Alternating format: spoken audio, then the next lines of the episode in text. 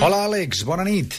El retorn de la saga apocalíptica Mad Max arreu, també aquí, competirà aquest cap de setmana amb Pitch Perfect 2 pel primer lloc en venda d'entrades, amb el permís, esclar, d'una Avengers Age of Ultron que no descarta mantenir el liderat per tercer cap de setmana consecutiu.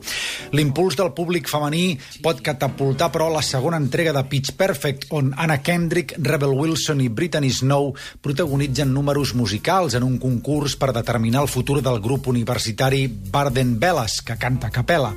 Les dissensions internes provocades després d'un error a l'escenari que la situa com les pàries del seu gènere alimenten una història que es vol de superació i que conclou amb aquella lliçó moral de baixa volada tan pròpia de Hollywood, en aquest cas vinculada amb el concepte d'amistat i ambició compartida per un grup de dones joves que oscil·len entre l'escalfor de l'amistat, el sentit del ridícul i el trepitjar-se l'ull de poll si fa falta.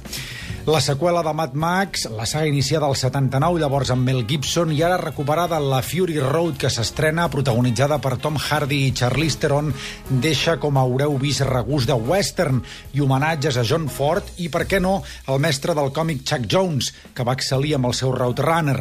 Aquest Mad Max és menys barroc que el que proposen les orgies tecnològiques actuals i està trufat d'una simplicitat que evoca les primeres entregues de la saga.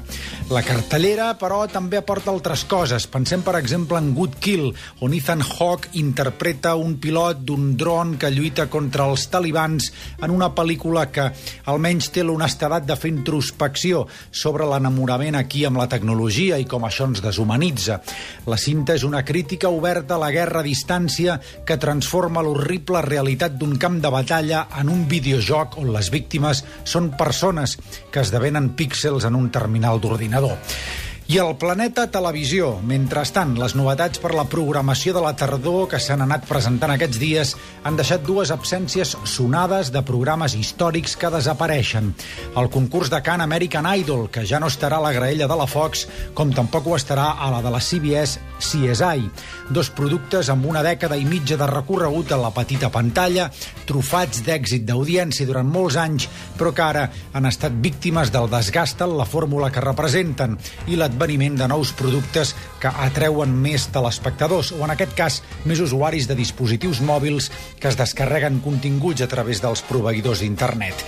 I parlant d'això, d'aquests dispositius, a través d'ells podreu, si us ve de gust, gaudir de la música de l'avui desaparegut B.B. King i si teniu una altra estona del descomunal homenatge musical que Tom Waits li va fer ahir al showman David Letterman, que la setmana que ve plega després de 33 anys en pantalla. No us ho perdeu. Això és tot per aquesta setmana, Àlex. Bona nit.